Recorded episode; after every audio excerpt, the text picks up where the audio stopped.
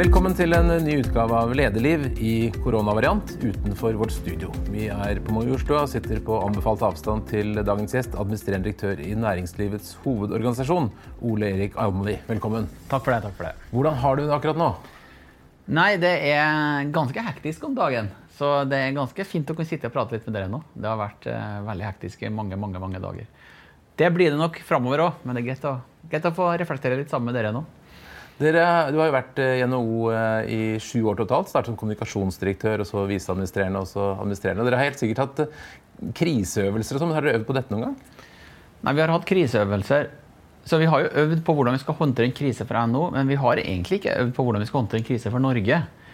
I dette dimensjonen. Men det var veldig bra at vi hadde på plass noe systemer som vi kunne bruke, så vi fikk sett krisestab, og vi var tidlig ute med å gjøre det. Kanskje noen av de tidligste. Så vi hadde nytte av det uansett. Fungerer ting som du hadde trodd? Internt hos oss, tenker du. Vet du, jeg tror at alle sammen som sier at alt fungerte som man trodde, det tror jeg har jeg ingen tro på. For at dette er noe helt annet enn jeg har opplevd før. Og den eskalerer i ulike retninger dag for dag.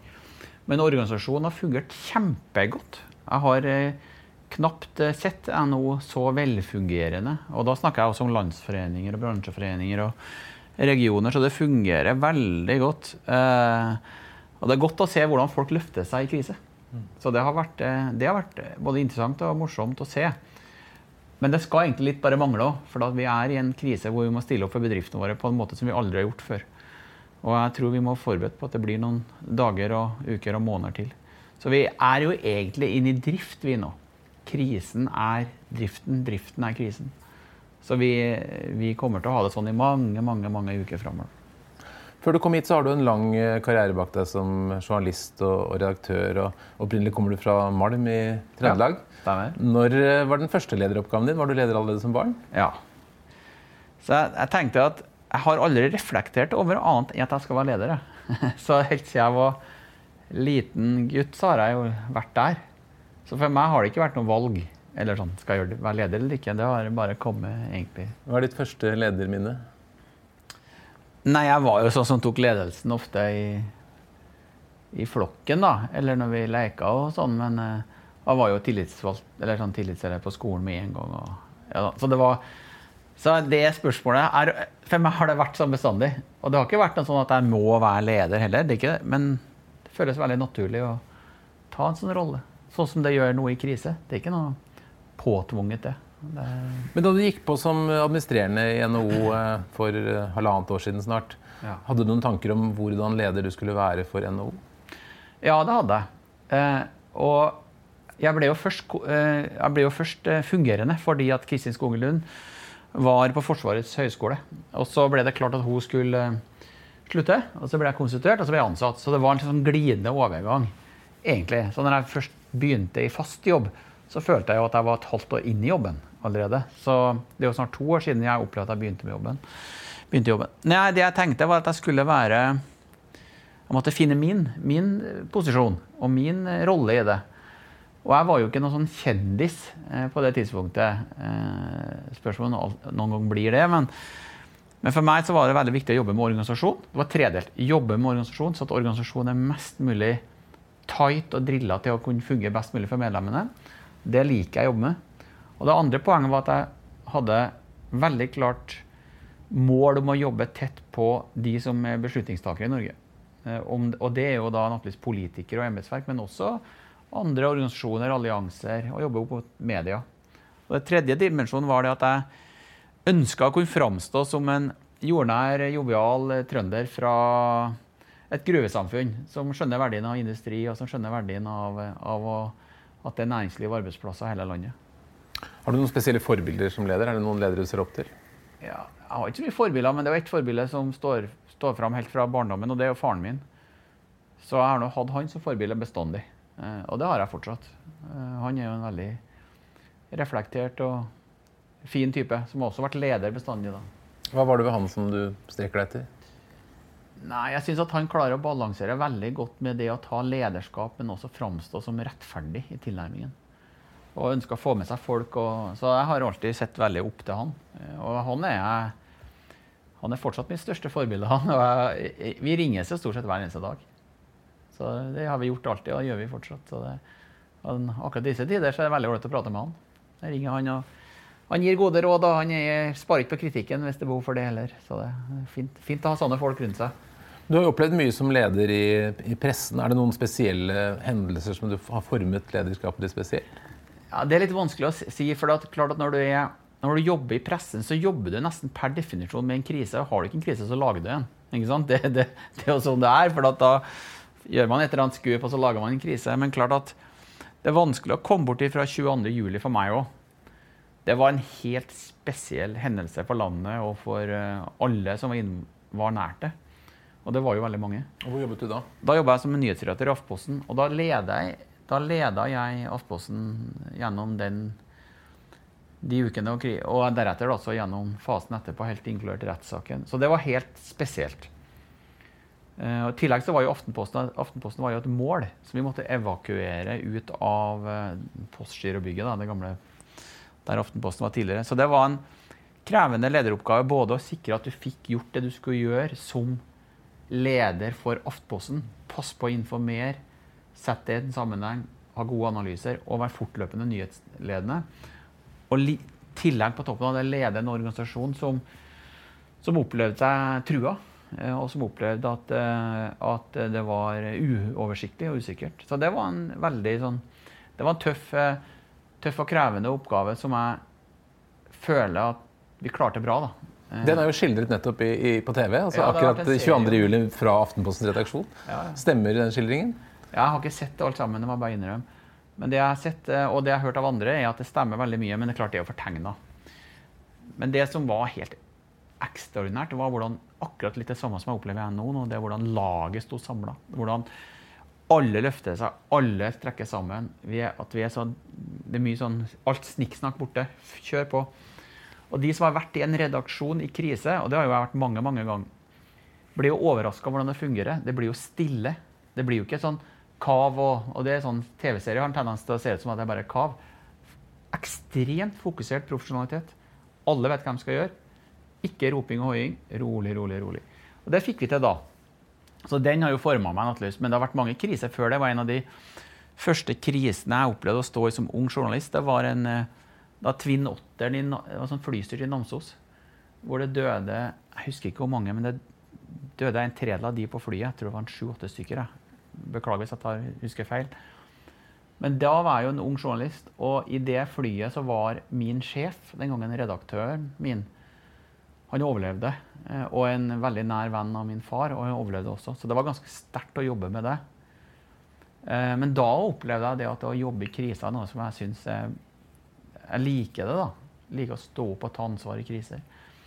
Så jeg har nok vært prega av det. Og så en tredje, hvis jeg skal nevne en tredje en, så er det det som var kanskje den største eller En av de største lederutfordringene mine var da jeg måtte håndtere Wikileaks-lekkasjen i, i Aftenposten. Vi var jo den eneste avisen i verden som fikk lekkasjen fra lekkasjen. Jeg trenger ikke å gå inn så mye på det. Men vi fikk altså tilgang til disse, disse dokumentene som var tilsvarende mengde som du kunne ha fylt en helt idrettshall med. Og da hadde vi samarbeid med 30-talls aviser i verden, og vi laga luk, lukka en 70-talls journalister inn i et eget rom med eh, sikkerhet rundt så vi ikke skal få lekkasjer osv. Det var en stor oppgave. Jeg husker jeg var jobba til langt på julaften den, den, det året med det var 2010. det. For å Jeg var intervjua Wall Street Journal klokka seks på julaften, og da sa kona mi at nå, nå får du velge mellom å komme og spise middag eller gjøre et intervju, og da ikke ha spist middag.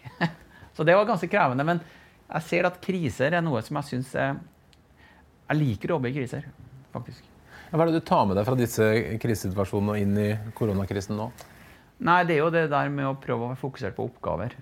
Og at du egentlig kanskje blir enda mer fokusert på hovedoppgavene akkurat når det er krise, enn du er ellers. For da har du ofte tid til å en organisasjon er jo ofte, har en tendens til å gå i ulike retninger. Så nå har det vært veldig fokus i organisasjonen. Vi har jobba veldig kortsiktig. Evnen til å jobbe langsiktig kommer vi til å bli målt på nå. Så vi delte, opp, eh, vi delte dette i fire fokusområder. Vi sikra at vi jobber med politikken for å få pakkene på plass. alle tiltakspakkene. Punkt to. Sikre at vi er synlig opinion, for vi skal stå opp for bedriftene. Punkt tre. Sikre at vi behandler de ansatte i organisasjonen godt.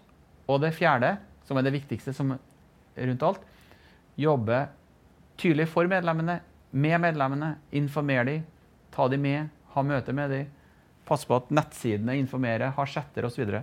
så de fire fokusene var strømmene våre fra dag én. Og da har jeg, og det ser jeg, en organisasjon som er drilla på hva som er hovedfokus, klarer å få ut det beste av eh, det man har å gi da, i en krise. Og NHO har som resten av Norge fått et sånn digitalt løft? Ja. inntrykk av? Ja, ja. Vi har jo, jeg gikk jo i karantene med en gang. Og jobba hjemme med Skype og Teams og alt mulig. Og har vært kjempeeffektivt. Og Det tror jeg mange nå har opplevd, at du kan jobbe veldig godt med digitale verktøy om du er hjemme eller på jobb. Men jeg vil ikke, men jeg vil fortsatt snakke opp verdien av å sitte sammen i rom og jobbe sammen. Så når vi får folk tilbake igjen i Næringslivets hus, så tror jeg vi skal være glad for det. Og nå, nå kom jo dere inn i Næringslivets hus i dag, og har dere gått rundt her, så har dere sett det er tomt. Eh, så vi må nok eh, vi må nok ha folk tilbake igjen, men det å se at du trenger ikke dra på et møte et sted, men du kan ha det på Teams, det er like effektivt. Det sparer du penger på. Effektivt. Og jeg tror det kommer til å forandre veldig mye av arbeidsdagen til mange framover. Hvordan står det til ute i Bedrifts-Norge? Hvilke historier har du hørt som har gjort inntrykk på deg? Vet du, det er nesten umulig å trekke fram en historie. Jeg snakker med medlemsbedrifter hele tiden. Jeg får mailer og telefoner og SMS-er hele tiden. Og det er trist å høre om Trist å høre om bedrifter som allerede har lagt ned. Livsverk går tapt. Folk må permittere og si opp folk, og det er sårt for mange. Og veldig mange sånne verdikjeder er i ferd med å gå i oppløsning. At du betaler ikke regningen din, og så betaler ikke neste regning sin, og så får du sånn dominoeffekt. Men jeg kan jo ta et par eksempler. Jeg har jo eh, en som driver, en som driver et sånn turist- eller sånn reiselivsselskap som driver med rafting. Helt tomt. Helt tomt. Ingen kommer jo dit. Men kostnadene løper jo. Husleia. Han har jo husleie det stedet han er. Han betaler jo leie av noe utstyr, og han har jo kostnader til andre ting. Så det løper jo men kassa er jo tom. Eller et hotell som drevet, eh, hadde åpent siden 1864. Jeg snakka med han som er femte generasjon, som sier at uh, er usikker på om det overlever. Det er hjørnesteinsbedrift i den kommunen. Eller en, eh, eller en, en, service, en, servicebedrift eller en som driver med vaktselskaper, da, som plutselig helt uten jobb. Så, og det er klart at norske eiere er jo ikke full av penger. De har jo kasser som er tomme i løpet av kort tid. De er jo vant til å jobbe de, og tjene penger for å holde gående. Så når det stopper opp Nei, det er mye historier også. Og vi har jo målinger. Vi kommer til å presentere noen målinger nå i dager, eller i dag, da. Som eh, viser at det fortsatt er det nesten én av tre som frykter at det er reell risiko for konkurs. Så jeg tror vi skal forberede oss på at vi kommer til å prate mye om denne tiden her som noe av det verste vi har vært gjennom. Også. Hva sier du til de lederne du snakker med? Jeg er veldig opptatt av å ikke si så mye i første omgang. Jeg vil høre hva de har å si. Hvordan har de det? Hva skal til for at de berger driften sin? Og så sier jeg at, uh, hva vi har gjort, og hvordan vi jobber. At vi jobber med, tett med politikere. Vi har aldri sittet, sittet, så tett med politikere. NHO har aldri hatt så stort gjennomslag som vi har nå. Det er jo ikke noe vi skryter av. Det er jo fordi, fordi at NHO oppleves som å være en relevant samtalepartner for politikere. Så vi har aldri hatt så stort gjennomslag, og derfor vil jeg høre fra bedriftene hva som skal til for at de berger over. Og så er jeg opptatt av at de skal bli informert, slik at de vet hvordan de ulike pakkene virker for de ulike bedriftene, så de raskest mulig får brukt de. Så de får cash ut, får lån, får utsatt eh, frister. Og så ser jeg jo at mange bedrifter sier at det håndteres, disse pakkene og disse tiltakene håndteres forskjellig fra kommune til kommune. Da må vi hjelpe dem. Så de får den hjelpa de kan. Men jeg er opptatt av å høre mye på det. Og så tror jeg mange opplever nå at vi er i front for dem står opp for dem, og at vi er tydelige for dem. Jeg måtte jo slå neven i bordet her på søndagen i en pressekonferanse, og da det legges merke til. Så vi står opp nå. Har din oppfatning endret seg mye underveis av hvor stor denne krisen er?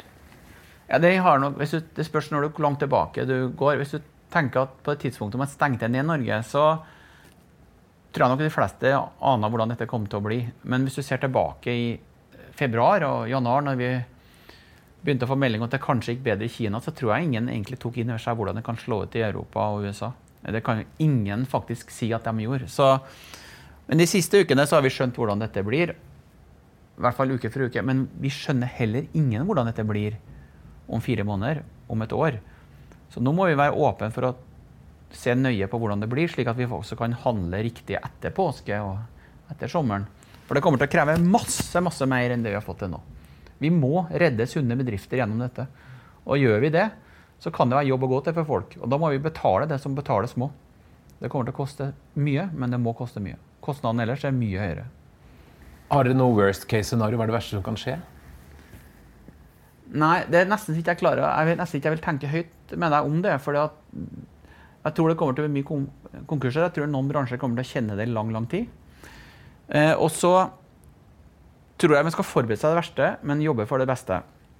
Men bare for å ta en illustrasjon. da. Det er sånn, Hvis, hvis eh, utenlandske turister er tilbake neste år, går det mye bedre. Jeg er usikker på om de kommer neste år. Vil reisevanene i verden endre seg? Ja, kanskje det. Da taper flyselskapene og reiselivsbedriftene i Norge. Altså Den fantastiske naturen vi har i Norge, den har alle eh, godt av å komme og se på. Så det er trist om de ikke kommer tilbake, men da blir krisen større. Eller for å ta et annet eksempel, hvis oljeprisen ligger rundt 20 dollar om et år, klart da har operatørene kjent det veldig tungt, men leverandørindustrien enda mer, service, oljeservice enda mer, og verftene. Og da snakker vi om titusener arbeidsplasser som kan være borte for alltid. På toppen av det er bygg og anlegg, som lever av investeringer fra andre. Lever av at offentlig sektor kjører på. Hvis det stopper, går det utover de. Så det er mange bransjer som kommer til å kjenne det. Oppdrettsbransjen, som har solgt ganske bra med fisk nå, hvis det stopper land til land, går prisen ned, fisken blir ikke solgt. Så, så worst, eh, verste scenarioet, da Nei, at, det er at det blir arbeidsledighet. Rekordhøy arbeidsledighet i veldig veldig lang tid. At vi mister en generasjon eh, med, med ungdom, f.eks. Men Norge har klart å komme seg gjennom kriser tidligere. Vi kommer til å gjøre det nå. Jeg er bare usikker på når det skjer.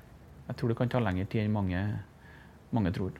Ser du mye god ledelse rundt omkring? Ja. Ja, det godt, det er artig å reflektere litt rundt det, for jeg ser en annen type ledelse enn jeg ellers ser.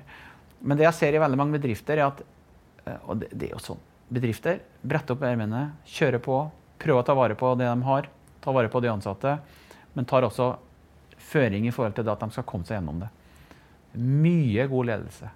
Kanskje er dette også noe vi kommer til å huske akkurat fra den krisen her. Det var at det var tid for ledelse.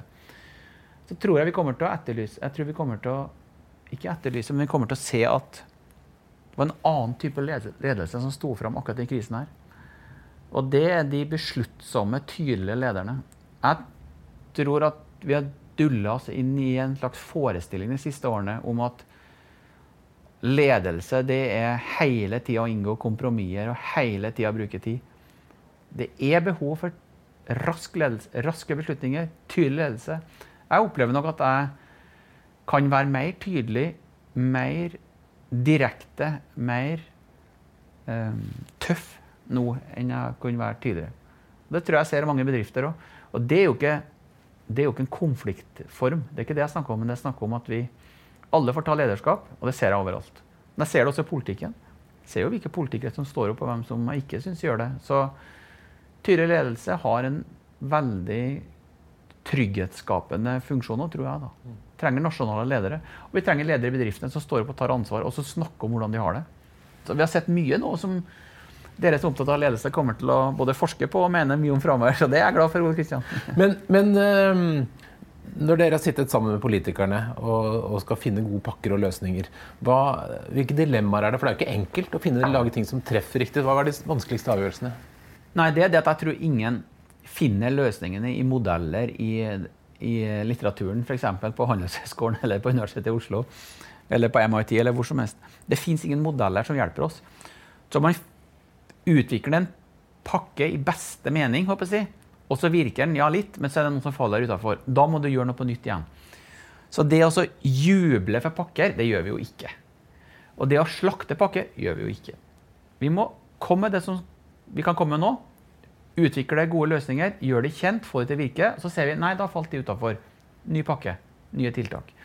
Vi må være villige til å bruke veldig mye penger framover for å holde dette gående. Så når vi snakker med politikere og embetsverk, så sitter vi rundt bordet. Nå sitter vi rundt Teams stort sett da, og, uh, og, Skype. Men når vi sitter sammen, da, så er alle sammen klar over at vi vet ikke hvordan dette virker helt. Vi finner løsninger, og vi gjør det ordentlig. Og vi blir på fornavn med hverandre. Hvis ikke har, vært, eller har man ikke vært det før, så blir man det nå. Og man står sammen. Vel vitende om at ikke alt er perfekt. For det kan ikke redde alle gjennom det, dessverre. Så jeg opplever helt et samhold som ikke jeg har sett maken til. Og for et flott embetsverk vi har i Norge. Altså det, Apropos ledelse. Embetsverket i Norge, og spesielt Finansdepartementet, det er utrolig imponerende. Profesjonelt, tydelig og jobber mye mye raskere enn noen skulle tro. Så jeg er imponert. Men Én ting er jo viljen til å bruke penger, men en annen ting er jo evnen for det å få Ja. Nav og andre til å prosessere alt Ja. og få utbetalt. Har du tro på at man klarer å få pengene ut dit de skal fort nok? Ja, Det er også et veldig godt spørsmål, for det ser vi knekke sammen i mange europeiske land. Eh, Og Nav har jo et kjempeproblem, for de klarer nesten ikke å håndtere det. Det Vi er heldige vi er heldige i Norge på én ting, og det er at vi er så langt framme på digitalisering. Og så har vi et bankvesen som har jobba seg veldig godt sammen. Og finansnæringen, ledet av Finans Norge, fortjener all mulig skryt. For de har klart å fått opp ordningene veldig raskt. Og når vi nå kommer med en kompensasjonsordning eh, like rundt hjørnet nå, så altså en egentlig cash support-ordning, så går det via bankene. Det betyr at da kan vi ha det oppe og gå i løpet av to til tre uker. Men så at danskene er jo ikke oppe og gå ennå. Og britene klarer ikke før juni. Så vi er digitalisert, det er godt samarbeid, og det er tillit. Da får vi til det. Men jeg frykter at Nav kommer til å slite ordentlig. Og det er jo ikke for at Nav er dårlig eller inkompetent. Tvert imot, det er noe av de mest kompetente miljøene vi har. De er veldig digitalisert. Men det er så enormt omfang på kort tid. Så resultatet er at det kan bli rett og slett vanskelig å håndtere det. Men, men, vi, men det at vi jobber sammen om det, har betydning. Ikke minst skryt til finansnæringen for det. Et eh, tema som eh, NHO har vært opptatt tidligere, er jo næringslivets eh, omdømme og Ja. hvordan næringsliv blir sett på i samfunnet. Så tror du denne krisen endrer det på noen måte? I hvert fall så har det endra det på kort tid. Jeg tror alle forstår verdien av bedrifter som går bra. Og alle ser kostnaden med bedrifter som går dårlig. Det var nok min vei inn i dette. For at jeg jobba Nei, jeg bodde i et, bodde i et lokalsamfunn hvor jeg jobba med sånn frilansjournalist og sånn. Jeg syntes det var veldig spennende. Men så gikk gruva konkurs, hjørnesteinsbedriften, og så ser du hva som skjer med et samfunn når plutselig bedriften er borte. Så da får du det inn virkelig kropp, på kroppen. Det tror jeg mange har fått. Eh, og kanskje er dette også med på på sikt å gjøre det eh, enda mer tydelig hva bedriftene betyr. For det er jo bedriftene, vi bruker å si det er bedriftene som gir liv til bygd og by. Det tror jeg mange har sett. Så jeg håper at det vedvarer. Men det skal vi jobbe med. For at klart mister du bedriftene, så mister du inntektene. Da mister du jobbene. Og du mister også inntektene til velferdsstaten. Så at velferdssamfunnet må jo ha inntekter fra bedriftene. Så, så det er mange paradokser oppi dette. Det er det at vi har jobba år etter år med å bedre næringslivets omdømme. Og når det virkelig går dårlig, så tror jeg faktisk vi klarer å få opp omdømmet. Men om det på sikt blir sånn, det vet jeg ikke, men det håper jeg virkelig. Men er det en fare for at eh, gode arbeidstakere vil trekke seg mot uh, offentlig fordi Ja. det oppleves som tryggere? Ja, Vi har nok vært veldig opptatt av at alle pakkene og tiltakene virker slik at det er bedriftene som holder det gående, så du ikke tar mer til offentlig sektor.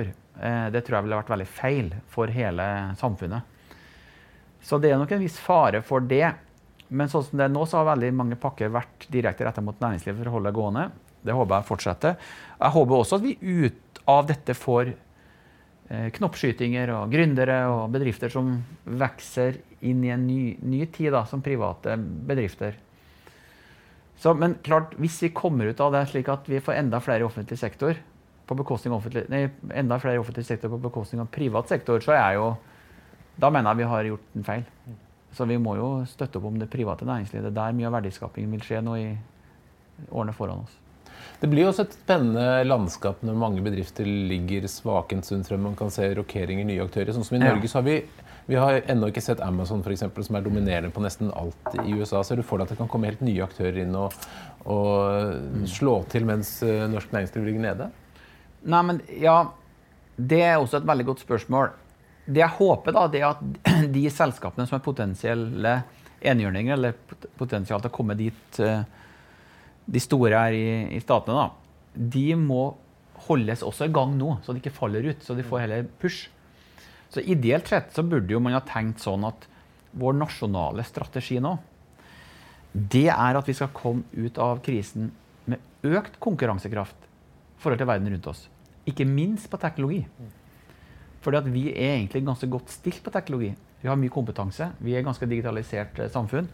Vi vet hvordan vi forholder oss til verden rundt oss. Så ideelt sett så burde du komme dit. Eh, jeg håper det. Og jeg syns også pakken har vært retta mot det. Men det er vanskelig å kunne spå akkurat hvordan det blir. Men målet må jo være for nasjonen å komme bedre ut. Få enda flere kanoner. Enda flere enhjørninger og kanskje enda flere spennende arbeidsplasser for ungdommen. Er det noen bedrifter som har imponert deg spesielt i denne fasen? Ja, Det er utrolig mange som har imponert meg, både hvordan de har takla det at de har stengt ned. Men de som kanskje har imponert meg aller mest, er de som har kasta om på produksjonen sin og hjelpa til med å utvikle smittevernutstyr og, eh, og masker og munnbind osv. Som virkelig har stått fram som innovative, kreative og endringsvillige. Så da blir en skikkelig glad. Altså. Jeg har snakka med mange av dem. og Eh, jeg tror den nasjonale dugnaden slår ut også på den måten, på en veldig fin måte. Så jeg har vært veldig fornøyd med det. Det er sånn vet du, at i en krise Ole Kristian, som vi er nå, så må vi også se lyspunktene. Og det lyspunktene vi ser, er bl.a. de som holder hjula i gang. Hverdagsheltene. Dette er jo en tid for hverdagshelter. De som du handler på hos Rema. Og de som kjører, kjører kjøttet fra Nortura til, til Rema-butikken. Så de har jeg jo eh, lyst til å heie på. Da blir man glad, glad, over å se hva de får til. Og så er det de som tar et ekstra ansvar nå. Så, så det er viktig. Også sånne som NHO-sjefen må se også at det er lyspunkter. Og vi kommer til å komme gjennom det. Tror du at du kom, men, men, kommer du endret gjennom dette? forandrer dette deg? Kommer du til å være en annerledes leder etterpå, tror du? Har du sett noe nytt i NHO? Ja. Har du lyst til å gjøre ting noe annerledes? Ja, det har jeg. Og jeg tror at jeg blir annerledes for hver dag som går, jeg, uansett når det ikke er krise. Jeg tror det å være i endring er noe som en faktisk skal dyrke fram. Så jeg tror at det kan jo at vi, vi har jo sett hvordan vi har jobba internt på en fantastisk fin måte mellom de ulike delene i NHO. Det har jo vært et samarbeid og et samspill som vi aldri har sett maken til. Så det tror jeg nok er en motivasjon for mange. Så kan det hende at vi har jobber bedre med politikere og andre, andre, organisasjoner også enn vi har gjort før, fordi at vi ønsker å stå samla også etter dette. Det har vi nok for så vidt gjort mye før òg, men det tror jeg. Så tror jeg at jeg som leder kommer til å være tydeligere. Jeg tror nok at jeg har fått litt sånn Det er jo meg, da. Det å være tydelig og slå nevene i bordet og litt sånn av og til. Jeg tror ikke jeg skal gjøre det så ofte, men jeg tror jeg skal være tydelig på vegne av næringslivet.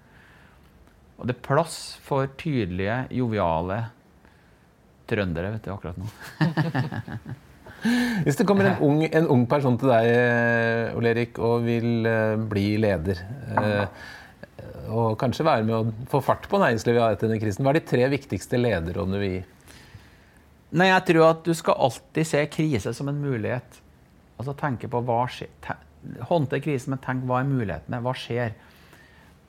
All historie viser det. At det skjer dynamikker etter en krise som mange kan utnytte. Så tenk på det. Og det andre er jobbe med folka dine. Jobbe med folka dine. Alltid. Det er folka dine som betyr noe. Og i en krise skal du ikke glemme folka dine. Så tenk på hvordan du skal jobbe i team. Det kan godt hende at den der purpose-driven ledelse da, kommer til å være enda viktigere nå. Å jobbe med folka dine.